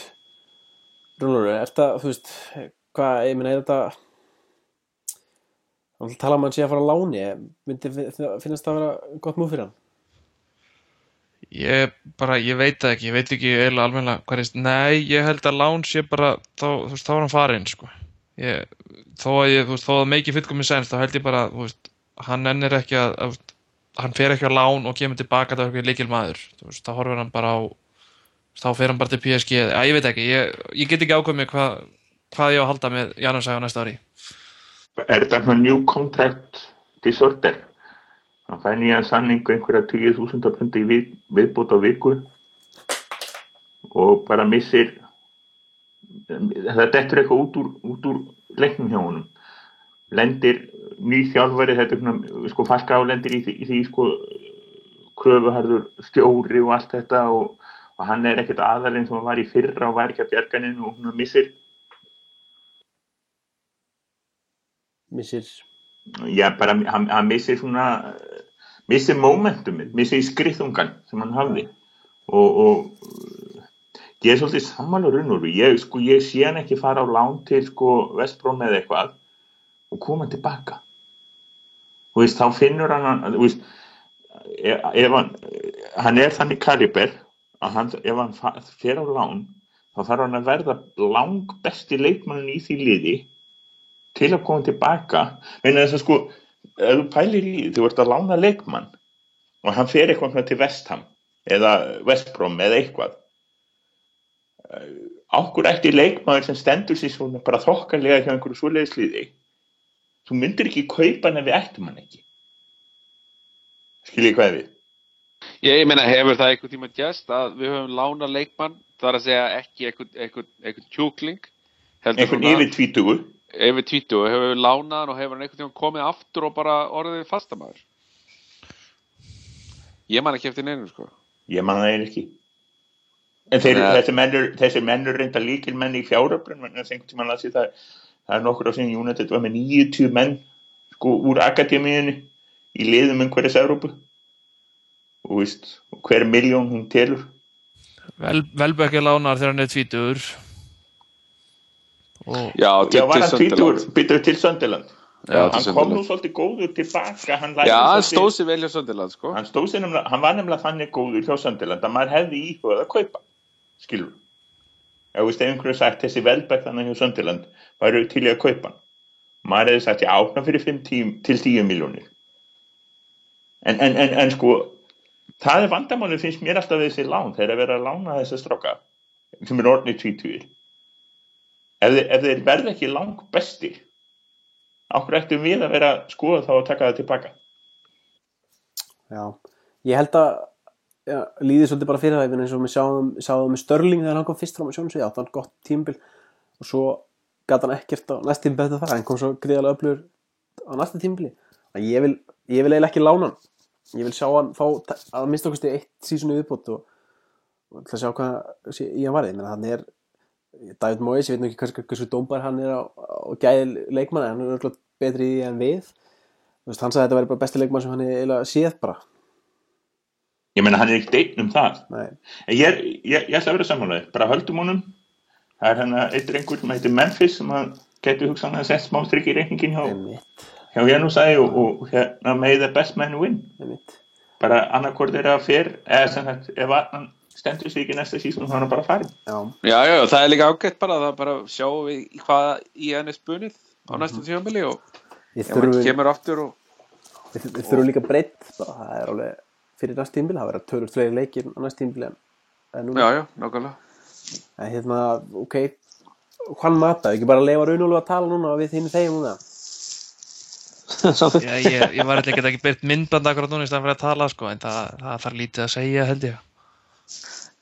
Já, ég, ég, tek, ég er alveg með raunulegu á, á matavagninum sko og hef, Já, sem loksins. Ég hef nú alltaf verið á matavagnu, ég er bara alltaf að býða eftir ég að Vangal spila honum í þessari hægri stuð og loksins fór hann að gera það og þá fór Já, hann það er að enda rétt hjá þér, þegar þú segir það sko, þú varst eitthvað babnum það fyrir löngu, ég skal gefa þér það. Já, að hérna, Sigur hann veit sínu viti sko. Stundum, stundum hitti Hann, höfuði hann græði rosa mikið á, Bilu klukka er allan rétt tvisvar á dag. En hérna hann græði rosa mikið á samvinnu við Herrera, þeir eru nú bara svo tvíburur hérna á á hægri kantinum. Já, hann er búin að vera frábær og ég vil bara, ég vil sjá hann áfram í bara nákvæmlega sömu stöðu bara og, og, og láta hann bara spila. Því ég held að hann sé búin að finna sína, sína fjöl og, og hann verður ekki síðri á næsta ári, ef jáfnvel betri. Hann líka Já, náttúrulega hann getur getur, hann getur byggt á þessu. getur leist það líka á miðinni þess þarf. Svona fra, framar, framlíkjandi hlutur ekki á miðinni það er, þetta er svona, við erum með nokkað leikmenn sem eru svona fjölhæðir sko, fyrir, já, jú hann er, já, hann er fjölhæfur á mörgu leiti sko. og svo er hann hann er duglegur að skora mörgs eða leggja upp mörg sem skipta máli sko. það er reyndar alveg hann ótrúlegt sko. dúkar alltaf upp að þín teiknum á réttu stað á réttum tíma það er það er aðalega, hvað var ekki söndiralleikurinn hann sem við töpum þar sem hann klúraði sáðan, ég meinti það færi bara fyrir opnum marki það var eina sem ég hef svona, það er eitt stig, en það skiptir ekki máli við hefum ekkert grætt á þessu einu aukast í. En hins vegar grættum við nóg held ég á stífanum sem hann trið okkur sko. En jú, jú, hann, hann hlýtur að vera þarna áfram í einhverju svipum pælingum. En hann er búin að byrja eitthvað einasta leiksen eitthvað í mars eða ekki? Einmitt, hann er náttúrulega á bara allt hrós fyrir skilið fyrir það hvað hann hefur svona hann náttúrulega var í þessari frægu fristikistu og það hefur unnið sér úr henni aftur og það er náttúrulega bara Já. það er akkur það sem það vill sko menn séu klárir í það Já, og meðan allir, öll umræða snýrst um það að hann væri farinn þá virtist hann bara vera að vinna sína vinnu og, og kom tilbaka og tróð þó nokkrum sokkum held ég. Það held ég. Uh, ok, tökum Ashley Young. Hann náttúrulega er einn af þessum mönnum eins og fæla eini sem hefur svona gengið gegnum endinu í lífdag hann veist, bara fyrir tímbili maður, vildi maður bara að hann færi. Hann, er aldrei einhvern veginn fundist hann að vera í, í hérna, United klassa en hann hefur eins og kannski mata á fleiri bara frá því að vanga allt tekið við bara, þú veist, brett upp ermar og, og hérna og hann er uppskýrið fyrir það, hann er búin að vera að spila bara eins og mútið Crystal Palace og þessu liðum, hann bara er að ótrúlega sjálfströst sem hann hefur og maður svona veltið fyrir sér sko, eins og hann er að spila í dag þá er þetta byrjulegismæður en, en sko, vill maður að hann byrja í fyrsta leik á næst tímbili vill maður ekki fá eitthvað aðeins betra hann að vinstra megin Ég meina, hann er bara búin að standa sig bara ótrúlega vel. Ég meina, bara Sko- næst betur maður liðsins í vetur, já, bara þannig við sko. og líka í sko, vinstri bakvarastöðu sem hann leistið furðu vel líka sko. Það vil líka tekið eftir því að hann er ekki, hefur ekki dýft sér í vetur til dæmis. Nei, það er alveg búið að taka fyrir það Það er búið að taka fyrir það, hann er bara orðin allt annað maður sko. Og hérna, og þú veist, er það voða sexy að vera með Ashley Young? Þú veist, nei, það er það ekki. En United hefur það er bara að leysa þetta bara greiðlega vel. United hefur ekkert alltaf verið með mest sexy leikmenn ef við förum út í þá að þú veist svona Jisung Park og, og, og fleiri hafa bara verið þarna Luke, Luke Chatwick Já, við Nei, erum ekki það- að kynferðislega núna ekki minn sko. Við- hann bara, googlaði hann bara Herru, alveg róli. Nei, sko, þetta er rosalega einfalt. Hann hérna, ef hann spilar eins og hann spilar í vetur, þá má hann alveg vera í öllum United-liðum sem hann til að vera í. Og hérna, ef hann, ef að, ef að Memphis kemur þann inn og tekur þessa vinstri stöðu og eignar sér hana, þá það. Eða annan, það er allt í lagi. Við bara hefum fullt opsjónum hann að vinstra megin og við þurfum ekki að hafa neina á ykkur aðeins. Nei, nákvæmlega, þetta bottom line er bara það að hérna, þetta er ekki, Asli Young er ekki leikmaður sem að, þú veist, maður vil sjá fara og bara megi besti maðurinn bara eigna sér sér þessa stöðu, sko. Veit, öll, öll meistarlið þurfa líka eitthvað svona leikmann eins og hann sem er tilbúin til þess þarf ekkert endilega að spila alla leiki en stendur sig einhvern veginn alltaf vel og hann har gert það þessu tímbili það er alveg, þú veist, þessi, mitt þessi Parkisung og, og, John O'Shea þú veist, þessi menn sko Já, þeir, er, þeir eru mikilvægir, mikilvægir hlekkir. þeir eru oft vannmettnir í Já, meistarlið ma já, maður saknar, maður bara fattar að þau eru farnir hvað þeir eru mikilvægir. Ég veit, herru, Memphis Depay hann er fyrstu staðfyrstu kaupin tímbilu, menn voru ekki lengi að þessu þegar var eitthvað verið að sniffa önnu lið var eitthvað hérna pissundan í hann. Þetta er sem svo BB sko. Við keiptum hann um leið og Real Madrid og Galatur. sko já, hérna við tókum við ekki Memphis Depay umfræði í síðasta podcasti. Ég man það bara ekki Eitthvað. Jó, við höfum eitthvað líka ræ- En við erum bara ánægði með það. Já, gríðarlega ánægð. Hver framtíða leikmaður getur frábær. Einmitt, og, vandamál. sko. bara hvað veist hvað þið geta unnið fljótt ég meina PSG var eitthvað hann að reyna að kaupa og það er bara beint farið í máli vanga all ringir eitt símtal og búm hann er komin Já, ég held að til vanga minnur um til að vanga allt þeir eru þarna, það er eitthvað, eitthvað samband þarna milli þetta þessi kaup öruglega hvað mest er svona Það hjálpar líka til að vera ekki með eitthvað transfer nefnd. Ekki það ætlum við að ta- tala um hvernig liða sko við erum náttúrulega klálega með eitthvað transfernemnd en þú veist það er bara einn maður sem ræður hjá okkur kannski Já. ólíkt hjá Liverpool þar sem það virðist allir einhvern veginn vilja stjórna öllu en ok, við skulum ekki fara út í þá Við við þurfum ekki að tala um það, það er hérna herru, ok, af, Jú, tölum um það, það er svo skemmtilegt. Núna, tökum Ok, sek- 6-1, búið, búið já, Bjössi, hérna, þú skrifa greinum framherjamál í daginn Þetta ekki bara tíund af það Jú, jú, þetta er orðið óskup einfalt. Við erum, vorum með fjóra sendera í, í vetur. Einn þeirra er farin. Tilkynntur mannsistur United týsti um það núna getum það beil sem við ítum á rekord í þessu podcasti að, að hérna Redamil Falcao væri farin aftur til Monaco. Uh, James Wilson fyrir út af lán næsta vetur, 95% líkur á því. Uh, 67% líkur á því að Robin Van Persie verði ekki með okkur næsta vetur. Það var bara þrý sendir að farni. Við erum að kaupa sendir. Við erum að fara að kaupa sendir. Það er held ég alveg á kæru. Þetta er ekki, og hérna, svo er bara spurning hver það verður. Það er, það er staða sem við vitum að það er alltaf að henda alveg buns of money, svo við vinnum í þjóðskáldið. Og hérna, við eigum of money. Og hérna, við eigum ekkert að vera hrætti við að eyða þeim ef við, ef við þurfum að, hérna, að gera það. Það er bara spurning hver það verður. Ætla að vera bensum eftir öll, þessu ár Það væri daldið húmor í því. Ég, það væri ekkert slæmt. Hvað er hann gammal? Er hann orðið þrítugur? Nei, nei, þetta er 20 26 Er hann ekki, er hann ekki bara Ah. jakkamað Ronaldo, held ég Held að sé eitthvað svo leiðis Lengur þetta og segja þetta. 85 mútur Hann er 20 27 ára. 20 Hann er 27 ára. Er hann 27 ára? Þetta er Ég- ég- 87 hérna- Á ammali sama dag ég því líku fagmaður. Við kaupum þennan í vetur. Jafnaldri minn Svimar það að segja.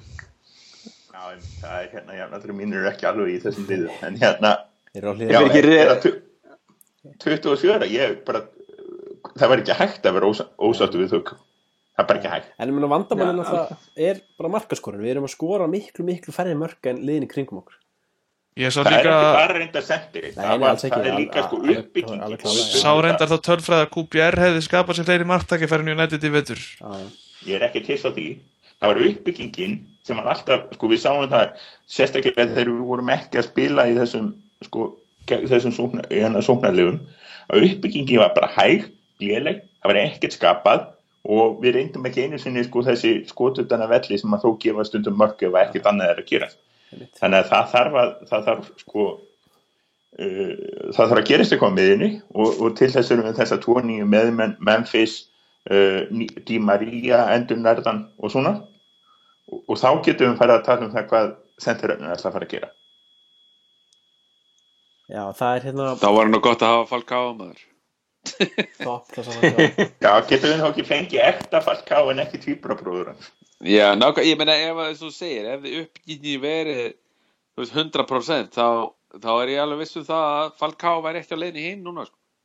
persónulega hvað er það? ennþá svo ég, kemst ekki yfir það hvað er, það eru mikil vonbreið það að við, höfum, að við skildum hafa fengið Falcao yfir heilt sísón og hann er á leiðinni heim núna bara með ekkert stans. Enga tölfræði með sér í þetta- mér finnst þetta rosalega eitthvað svona Torres, Torres-legt eitthvað. Já, hann verðist bara veginn mist bara mist þetta það, bara. það er, Það- njá, það er það er bara ekki bara það það er bara það er leikkerfismunur greinilega skiptir miklu máli fyrir einstakar leikmenn En er þetta ekki líka bara Sóknur uppbygging var bara druttul léleg líka? Já, Ég meina, hann- Van Persie gæti ekki neitt heldur og, og Rúni var léleg líka. Já, og sko, Falcao var einhvern veginn hann var ekki tengslu við sóknaröfinguna og sóknaröfinguna var ekki tengslu við hann, hann var að taka hlaup Já, er það ekki bara líka því að sóknarbyggingin var svo hæg? Nei, hann er vanur Hann var líka hægur. Hann var Ég- líka rosa hægur. Ég áttum á því en hann er satt vanur því að spila það ekki veist ekki þegar ég horta allir ekki En veist hann er vanur að spila þú veist það sem þeir sprengja á hinliðin á meðan United svona reyndi bara að kæfa þau og hægt og rólega virtist vera. En þú veist, Já, Var Falcó nokkuð með eitthvað snöggur? Ég man ekki að hann, var hann eitthvað voru fljótur? þessi crossbandamisli hafa nú ekki hjálpað til allavega. Nei, hann hefur aldrei verið, þú veist, eitthvað ösku fljótur framherji, sko, en sko, hann bara, þú veist, það skipti ekki máli, hann, ef hann fekk, sko, tvær sekundur, eða sekundur bara til þess að, sko, finna markið með boltan, þá var hann búinn að setja hann, sko, í hotni. og það er náttúrulega eitthvað ó, það, það er náttúrulega eitthvað sem við höfum ekki séð á þessu tímbili algjörlega óháðu leikkerfi og eh, hvað sem við vorum að tala við náðan þá þá fekk hann fullt af fínum færum á tímbilu þá sem hann bara gjörsamlega klikkar voru fullt algjörlega sko. Já, já, það voru fullt Viðbröðslíturinn var, var farin sko fyrsta, eins og þú segir viðbröðslít, það var ekki viðbröðið að Nei, nei, og það er náttúrulega bara meðslinn sko og það er líka náttúrulega bara, þú veist vera að koma tilbaka á meðslum og vera að spila fyrir Manchester United og í deild og allt þetta, þetta var bara held ég svolítið taugatrekkjandi fyrir hann já, sko. já, og hann alltaf reyndi Þetta var mjög mikið. hann reyndi mjög mikið á sig til þess að ná háum sem hann gerði svo Já, já, já. ekki, sko. Hann geti, ef hann er núna fullu undirbúinstímbi þá kannski gæti hann sett inn mörk fyrir eitthvað félag En þú sást það líka sko þegar það var inn á vellinum og þú veist þó sem hann hafi ekki verið að ná skotum á markið og eitthvað svolítið að þá var hann alveg í fullri sko yfirvinnu Já, í varandi að hérna, hlaupa eftir boltum og myndi maður svolítið á TV þess að þýlildin til svona, að djöblast allan leikinn sko. Þannig að Já, hann reyndi það var bara hann fjall ekki vildi fyrir svo hann. standa sig Nei, hann fekk svona tilfengunni ofta þegar hann lág svo mikið á hann vildi gera helst þrennt í einu Já, hann þurfti þess að skrúa sig niður svona, Já. eina gráður sko. Já, einmitt Phil Jones geti kannski kent Nei, æ, fyrir ekki. En, en ef við hérna ef við gefum falkaðaði farin og gefum okkur Van Persie farið þurfum við þá ekki tvo framherja, einn heimsklassa og einn svona í backupi? Jú, bara heiklum Jú, er Jú, en trúið í alvörunni strókar að, að, að Van Persie sé að fara? Ég kemur ekki við ég ég, Ég- ég, held að ég- það, ég held að sé sko þannig ef við fáum tvo þá tökum ég við held að veltur bara svolítið á hvort við fáum tilbúið hann eða ekki sko. Og líka hann, við fáum alltaf tilbúð frá Tyrklandi E, eða eitthvað við, svona sko, það verður búið til, tilbúið kem við bara látum einhvern agent vita sko við, erum, við hlustum og þá fáum við tilbúið eitthvað tilbúið en það ætti nú að koma fregninu um þetta fljótlega því það er búið að ákveða þetta það er ef hann fer þá er búið að tala við hann, það er búið að segja hann það. Menn, hann kemur ekki, já, kom ekki já. til sögu í dag það er Já, nei, nei. En, en sko ég held kannski að Van Persie sé einn af þessum sem að fáu sem er þannig sko hann fer ef við fáum eitthvað ákveði í staði Já, en ég held að hann verði gaurin sem að þú, þegar þú segir Bjössi ef við kaupum einn ein heimsklassa og einn, hvað sagður, hvernig orðar þetta? Einn heimsklassa og einn landsliðsklassa Já, ég held að hann verði, þú veist, við kaupum einn, einn leikmann. Einn Já, framherja. hann, er, hann að- er samt að það háum launum að það er ekkert hægt að hafa hann sem einhvern svona þriðja miðjumann, nei þriðja sóknumann sko. hann er að fá eitthvað 250 við, við, við höfum það, það fer eftir í hverða hver er sem eru keiftur sko. Ég fer á rekord núna og segja að hann fer ekki neitt sko. ok, Ég bakka það upp. Þetta verður fyrst, fyrsta línan í greininni sem segir Van Persie farin staðfest. Ok, það verður- klift út. Nei, nei, ég hef, ef, hann, ef hann er áfram þá er það fínt. Hann þarf reyndar að spila betur en hann gerði í vetur. Já, hann- hann er alltaf eins og Falcao hann hefur svolítið svona staðnað sko. hann er svona ekki alveg hann er Sko. að breytast úr þessum hann var alltaf svolítið ha, svona heyrðu, þetta var bara óskup einfald hann skildi við konuna pikkaði upp nýja konu sem fór frá honum ári eftir að þau tóku saman. Hann er búin að vera á bömmir síðan. Grei þetta er náttúrulega bara þannig. Hann, víst, hann fer Er til það, að er það, vera er með það, það er það staðfest eða? Ég alveg Já, ég er að tala um Ferguson sko. Þetta, þetta er samnýting. Þetta var svo, alveg í þetta var sko. svo djúpt Þetta var svo Bjössi að ég náði þess heldur. Var að ég, sko. ég var alveg bara ég var vel bara gert, að vel gert, vel gert. Þið verða- að vera í stundum að sýnt í tjúpuleginu strókum mín Já, Ég tók að mér heyrðartórun eina mínútu svo allt í einu heyrði ég þetta bara. Ég veit ekki hvert við vorum komnið sko. Nei það var það sem gerist hann, En sko- ætlaði, að- hann ætlaði að spila fyrir Ferguson í 2-3 já, ár já, og, ég held að já, það mikið var mál, mikið það- sjokk fyrir hann ég held að það sé og alveg hann, hann, hann var líklega sko, var, var það ekki hann sem átti að bara finna að fara að gráta þannig að þá kom einhver frétt um það bara tiltölulega nýlega. Hann hefði bara finna að fara út í honum og gráti þegar, þegar Ferguson hætti. Já, ég held að það hafi komið mjög óvart. Ég held að hann hafi ekki haft hugmyndu það Svo má líka tala um hversu margar leiki hann spilaði á fyrsta tímabilinu hjá United og svona. Það var eitthvað sem hann hefði gert einu snáður held ég á Já, hann er náttúrulega bara líka að verða eldri og það er bara aldrei nær okkur öllum, bjössið það ekki? En ég verð að rifja þau upp að því að við náttúrulega vorum ekki að potast hérna á fyrsta tímabilinu sko að, að ég var bara einn af þeim sem áttaði mig enga minn á því hvað hann var frábær leikmaður. Þá kom til okkar og fór að skora eins og hann gerði þannig á fyrsta tímabilinu. Hann hann var mikið, mikið meitri í Arsenal þannig að hann svona einhvern veginn já. hann átti aldrei heilt tímabil eins og eins og með United svo, blómstraði svo, svo átt hann vissulega að það voru einhverja átta leiki sem hann skoraði í röðan og ég vil á þessu tímabili en bara þegar hann var on fire þá hérna, þe- þegar hann var, í- þegar hann var bara heitur, þá var hann húsar. Já, ég held samt hann alveg að gett að bæknum. ég held að hann muni nú aldrei sjá eftir þessari, Nei, að þetta, þetta eina típabel sem hann tók hérna og vann hreinlega titilinn fyrir okkur sko fekk svo heiðusvörð á Emirates heiðis, já, já, það bara gekk allt upp og það var bara fullkomið og ég held að hann muni aldrei sjá eftir því að hafa, hafa skipti yfir sko. Ég held að það hefði alveg verið rétt múf hjá hann sko.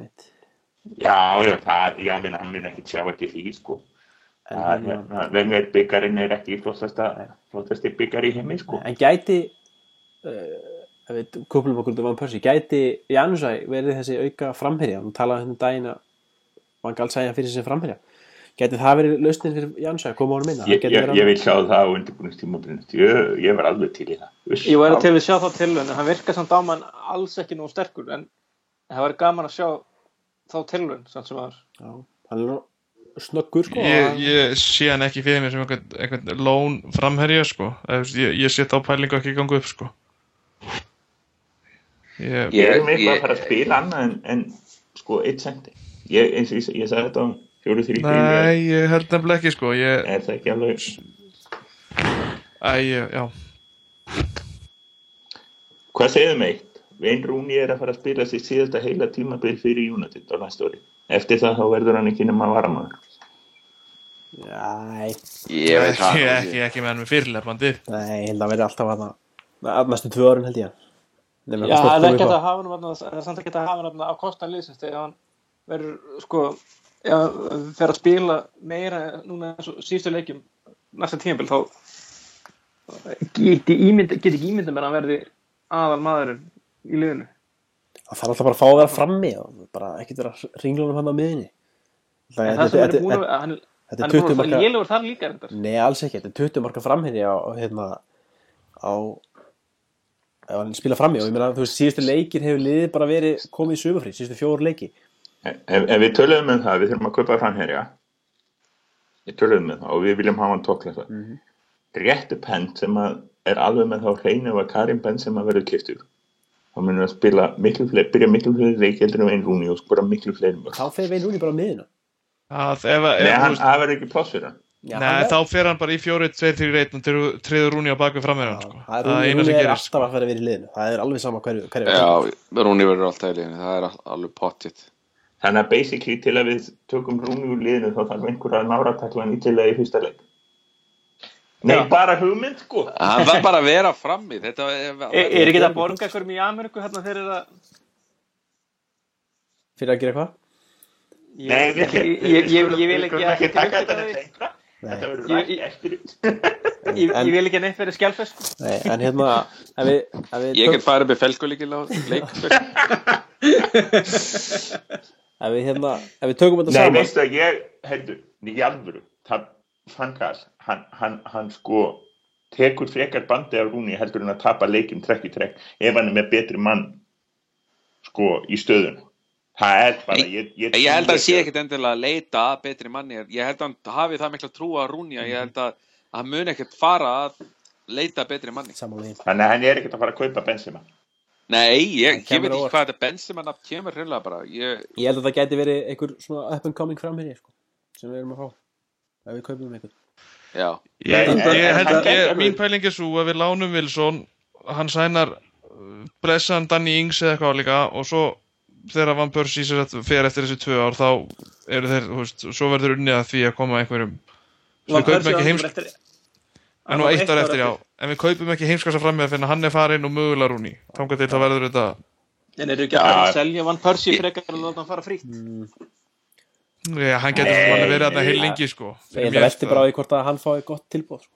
hvort að United fái tilbúð og hvort að hann hefði áhuga að fara ef þeir verða báðir þetta frammi og Ef- þetta verður allt, snýst allt um það að, að hérna, að lagfara uppbygginguna Ég held að, hér, já, fyrir ekki ef United fær gott tilbúð í Van Persie og hann hefur áhuga að fara þangað þá er hann að fara í sumar Já, þá, þá, þá verður ekki staði í vegi fyrir Nei. hann.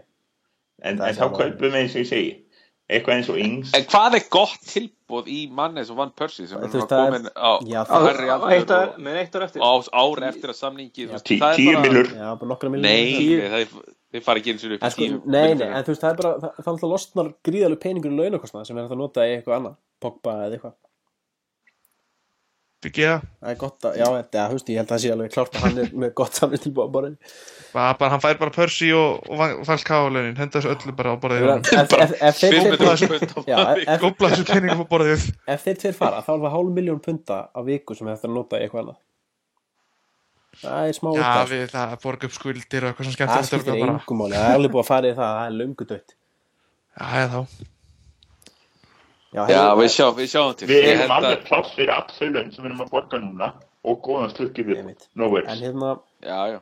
Sko, ef við dröfum þetta saman, þá erum við hvað, hugsaðlega að fara að kaupa markmann, við erum að fara að kaupa hæri bakvörð, við erum að kaupa miðvörð, tvo miðmenn og hvað, framherja. Við erum sem ég bara Ég- að kaupa heilan back sko. Ég segi nei við framherja, ég segi já við henni. Okay. Já, já. Eitthvað 5 til 7 leikmenn öruglega sko. En það verður einhver framir í fengina því annars erum við bara með Van Persie og Rooney og það er bara búið að sína sig að það er, mun aldrei gangu upp. bara þeir tveir Það, það verður einhver sendir keiptur, bara Dunnings eða eitthvað svo leiðis. Dannings á uppöldusbætur Eitthvað svo leiðis. Já. Ég, ég er þess fullveis, ég var að stilla þessu upp um dagina, kannu mínu, að, að hérna á næsta tímabildi þá munum við hugsanlega stilla upp liði þar sem ekki einasti leikmaður spilaði fyrir Sir Alex Ferguson. Það er bara gott. Það er bara en það, það það í. Það þarf að, þú veist, það, það, Það þurfti þess endur nákvæmlega, það þarf að endun í Það er ekki basically það sem Mourinho er búin að gera hjá Chelsea sem hann kom tilbaka Ferguson sagði að það verður að brjóta upp lið á fjögur ára fresti. Og hann, hann skildi eftir fjör ára gammal lið. Já. Já, bara þannig. og það Þannig var planið held ég allan tíman Já, alltaf ekki.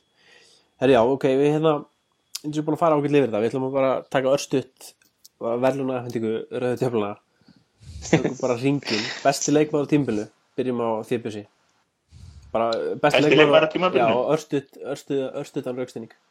David De Gea, engin rauksteiningur, næst bestur Ashley Young, bara af því. Ok. Uh, Maggi? Já, David De Gea bara hann kom okkur í mistrardeltina alveg, alveg 100% og næst besti grismóling Þurfum við að halda áfram með það? Rúnulur. David De Gea, saman allir aðrir og svo uh, besti vinnur hans Van Mata. Aðra fyrir að Já, Sigurjón. eftirminnilega Já, De Gea og svo myndi ég svona uh, honorable mention myndi ég segja Ashley Young og Mata sem nummer 2 og Herrera kannski þarna, rétt á eftir. Já. Ég myndi, ég er ekkert ósamanlegur, ég er klá, klálega David ekki, það er ekkert að það er bara, það er bara þannig. Mér finnst smóling kannski, ég setja hann kannski að hann er komið mjög mjög ávart hérna, Já, ég er reyndar, ég er reyndar tek alveg, get alveg tekjundi það Ok, tökum, tökum annar ring, mestu framfærir. Bjössi, byrjum að þér. Ashley Young, Chris Smalling. Eitthvað sérstök ástæði við því? Já, þeir voru bara spila eins og menn. Það var bara eitthvað. Ég veit. M- Maggi? Já, hann, hann stól staðal orðunum bara á mínu munni það Ok. er Smalling og, og, og Young bara hreinlega því þeir eru að spila betur og ég er fæla inn í mættan að fá svona honorable mention hann líka Ég veit. Rúnulur? Já, ég held að mestu framfæri já, Smorling svona hvað var það framfæri og fæla ín í eiginlega hvað var það kannski framfæri hjá liðinu að nota rétt Já. að þú veist við notaðum hann mögulega það var bara að nota bandvittlust í fyrra held ég sko. Já. og Smalling náttúrulega bara fyrir þú veist, hann steg bara upp úr því að vera já, var að skefa í að vera hann síðustu mánuði eða vikur allan þá hefur hann verið bara hann hefur bara stjórnað þessu batterið að náttúrulega fyrir þeirra Hann er og leikmaður sem hefur nýtt sér þetta, þessum svona miðvarða krísu. já, algjörlega sko, Eða sérstaklega ég held að hann væri bara komin í gröfina hann eftir sittileikin í november sko. Við töluðum nú held ég um það flestir. Að hann hefði bara skotið sér í, bara nánast í hausinn þar sko en hann hefur helvíti vel grafið þessu upp úr þeirri gröf sko. Ég veit, áður en Sigurjón fær sitt aðkvæði, allir bara bara Rúnulur, þitt aðkvæði, mitt aðkvæði alveg hjartalega samanlega á Sigurjón? Og, og hérna Rönnóls aðkvæði og Tryggva aðkvæði mitt aðkvæði líka. Herru, ok, tökum eitt viðbót, það er mestu vonbriðin við erum aðeins að, við getum ekki bara verið að tala hvað er frábært. Það er sami ringur Bjössi. Annan Janúsæ. Já, Já, sko, en þess að Di Maria verði með á næsta tímabili. Falcao var tilraun. Og við vissum, sko, við vissum að Falcao kom meittur það var alveg séns að þetta yrði svona. En Annan Janúsæ hefur bara virkilega hann fór langt með það að brjóta hjarta mitt í vetur. Þungorð uh, Maggi Já, fyrsta sem við, fyrstu tvö nöfni sem kom upp í hugan voru Falcao og Di Maria en það var náttúrulega, maður, svo sem ég ætla að segja, að vera ósamlega, ég ætla að segja Johnny Evans. Já, það er það kemur frá vinstri vegna uh, Runur Já, ég ætlaði að segja Phil Jones og ég geti eiginlega bætt Johnny Evans inn í það. Að Johnny Evans kannski, ég, þeir báðir bara það þeir, þeir einhvern veginn þeir voru bara skildir eftir. Veist, þeir hafa aldrei einhvern veginn alveg stíðu Phil Jones virðist vera bara veist, það er gaman að horfa að spila fótbolta en það er ekki að hann er góður í fótbolta sko. það er bara því að veist, það sem hann gerir á vellinu með stundum bara meikar ekkert sens og Johnny Evans einfallega bara gjörsamlega verið út á þekju meirhlutina vetrinum fyrir utan kannski einn, tvo leiki á hann hendi sér í sexleikja bann. Það er aðeins að fá að stíga upp fyrir Phil Jones sko. hann er hérna hann er svolítið, hann er hann, hann en hann svolítið líður svolítið fyrir það hvað hann er svona mikil trúðslæti hætt inn á vellinu því að þú veist, Já. hann á alltaf alltaf eitt svona moment þar sem hann púlar eitthvað rosalegt eitthvað að þú veist, skallar hann með andlutinu niður við grasið en þú veist, mér hefði horfið til þess að leiki gegn Arsenal hann, hann alltaf átti þetta moment hann en fyrir utan það á hann bara mjög flotta leik og þú veist, hann svona líður fyrir þessi þessi moment þar sem hann er eitthvað að gretta sig og, og gera eitthvað glóri Al algjörlega sko, bara mér, það var það var alltaf að tala um hans sem næsta John Terry sko, og þó ég sé nú ekki persónulega kannski hrifin af, af John Terry af mörgum ástæðum þá, þú veist, sem varnamar það var náttúrulega briljant sko, en ef hans er eins og þú sagðir, hann er eiginlega bara nei, ég meinti, Jones, hann er svo mikil trúður það er bara það vantar, það þarf eitthvað svona stöðu stabileira stöðuleikan bara einhvern veginn, ég veit ekki hvernig maður á að lýsa þessu sko. Kemur Já, en það- Jones Er áttur ég- að tróða stærsta sokk í heim í andlindina okkur í dag. Ég- Já, Ég- ég, held ég var að verja, sko, var það aðeins kom ekki fram. Ég er var bara frábær. ég hef fulla trú Jones er alltaf bara 23 eða eitthvað. Þetta ekki. Já, eða þú veist, já. En svo ef við kaupum alltaf nýju og nýja hafsend og eitthvað, þá er hann alltaf að að spila þá verður aldrei neitt, skilur þú veist. Þá er hann bara varamann, þá verður ég að gamla á Johnny Evans og þá fyrir hann í Sönderland, sko. Já, hann fjalli Evertón Já, já, það, þú veist, við, já.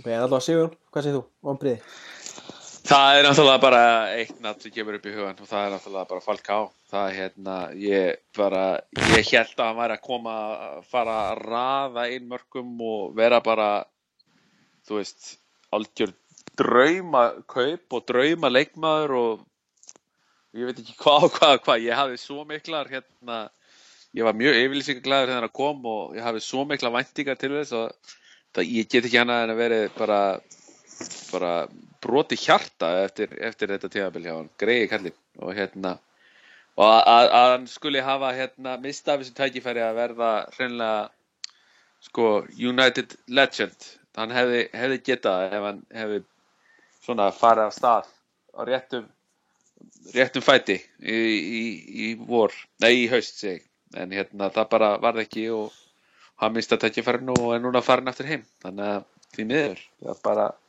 en klárlega klárlega fólk á Ég er bend á það, ég var maðurinn sem misti aldrei trúna. Ég held Falka og Di Maríin í fantasíliðinu til síðustu mínútu.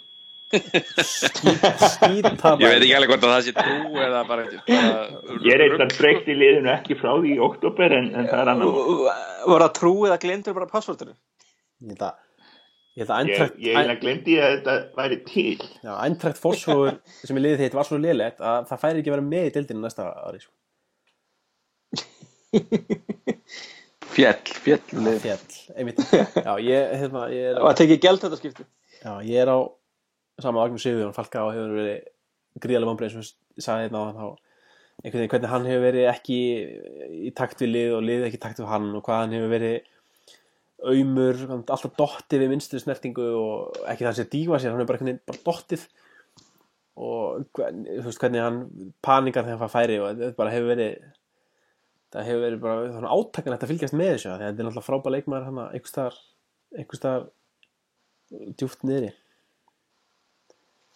Hmm, Já, er það er bara sorgasaga, sorgasaga, það var bara svo að væri hérna svona bara einn einhvers þar inn á vellinum og bara einn einhvern veginn í, bara í mannsistir að manni fannst einhvern veginn Ef hann hefði klift sér þrem mánuðum fyrr þá hefði þetta allt verið öðruvísi. Já, já.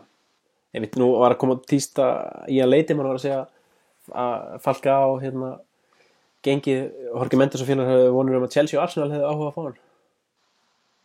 Það myndi nú koma hann á orð. Það verð, nei, þú veist, ég er alveg, alveg á því að það er alveg töluverður áhugi á, á að fá hann. Hann á náttúrulega bara að fara aftur til Spánar. Já, ég held að það væri best. Allt líka Madrid aftur bara. Ég veit, já, en hérna við skulum ljúka þessu, þetta hefur verið áhugaður tímbil og hérna uh, eins og Bjössi nefndi, nei, benti á fyrir podcast þá stefnir allt í það að í fyrsta sinn í sögu, sögu rauðu djöfnulega muni sami stjórin halda áfram á næsta tímbili það er svolítið merkileg starrend og við vonum að það verði til þess að verði öllítið meiri stöðleiki og ég hérna Já, þakkum ykkur bara fyrir samfélgdana þessu tímbili það, hérna, við reiknum með að vera allavega vera fylgjast með öllu sem gerist á, síðunni og við kannski grípum í podcasti ef eitthvað gerist nokkur sinnum í sumar. Bara, þá veitum næst, verið sæl